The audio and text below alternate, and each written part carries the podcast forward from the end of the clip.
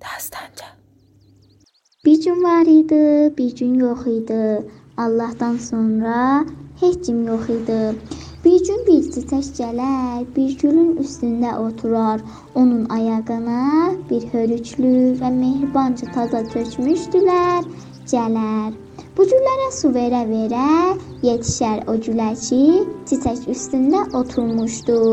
Gözəl qız baxar çiçəkə gülər, çiçək soruşar: "Siz taza bu evə gəlibsiniz?" Qız cavab verər: "Həyə, biz taza bu evə gəlmişik." Çiçək deyər: "Sən gözəl qızım, adın nə mənədir?" Qız deyər: "Mənim adım Bəhardır." Ondan sonra bunlar bir-biri ilə yoldaş olarlar. Hər gün bəhar gəlib güllərə su verəndə çiçəki də görərdi və bir-biri ilə danışardılar. Onun sabahısı bəhar gəlmir, güllərə su verə. Bir gün keçdi, bir həftə keçdi, bir ay keçdi. Axırda bir gün bəhar gəlib evlərindən vəsaitlərin apardı qoydu maşına.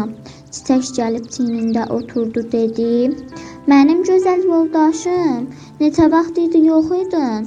Darıxmışdım səndən ötür." Bəhar da dedi: "Mənim duzlu yoldaşım, burdan köçürük, ayrı bir evə gedək, amma yaran qalma ha. Səni də aparacağam taza evimizə." Bəhargil vəsaitlərin qoydular maşına və yola düşdülər. Bəharın anası dedi: Qızım, bu gül nə mənədir gətiribsən özünə? Bəhar cavab verdi: Ana, bu çiçək mənim təkcə yoldaşımdır. Mənim olmağımda çiçək çox narahat olubdur, amma bundan sonra çiçək fəqət açqın olacaqdır. Anası dedi: Yaxşı qızım, yoldaşını da gətir taza evə.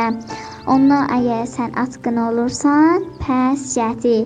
Qız anasından çox təşəkkür edər və gedərlər taza evlərində zindicanlıqlarını edərlər.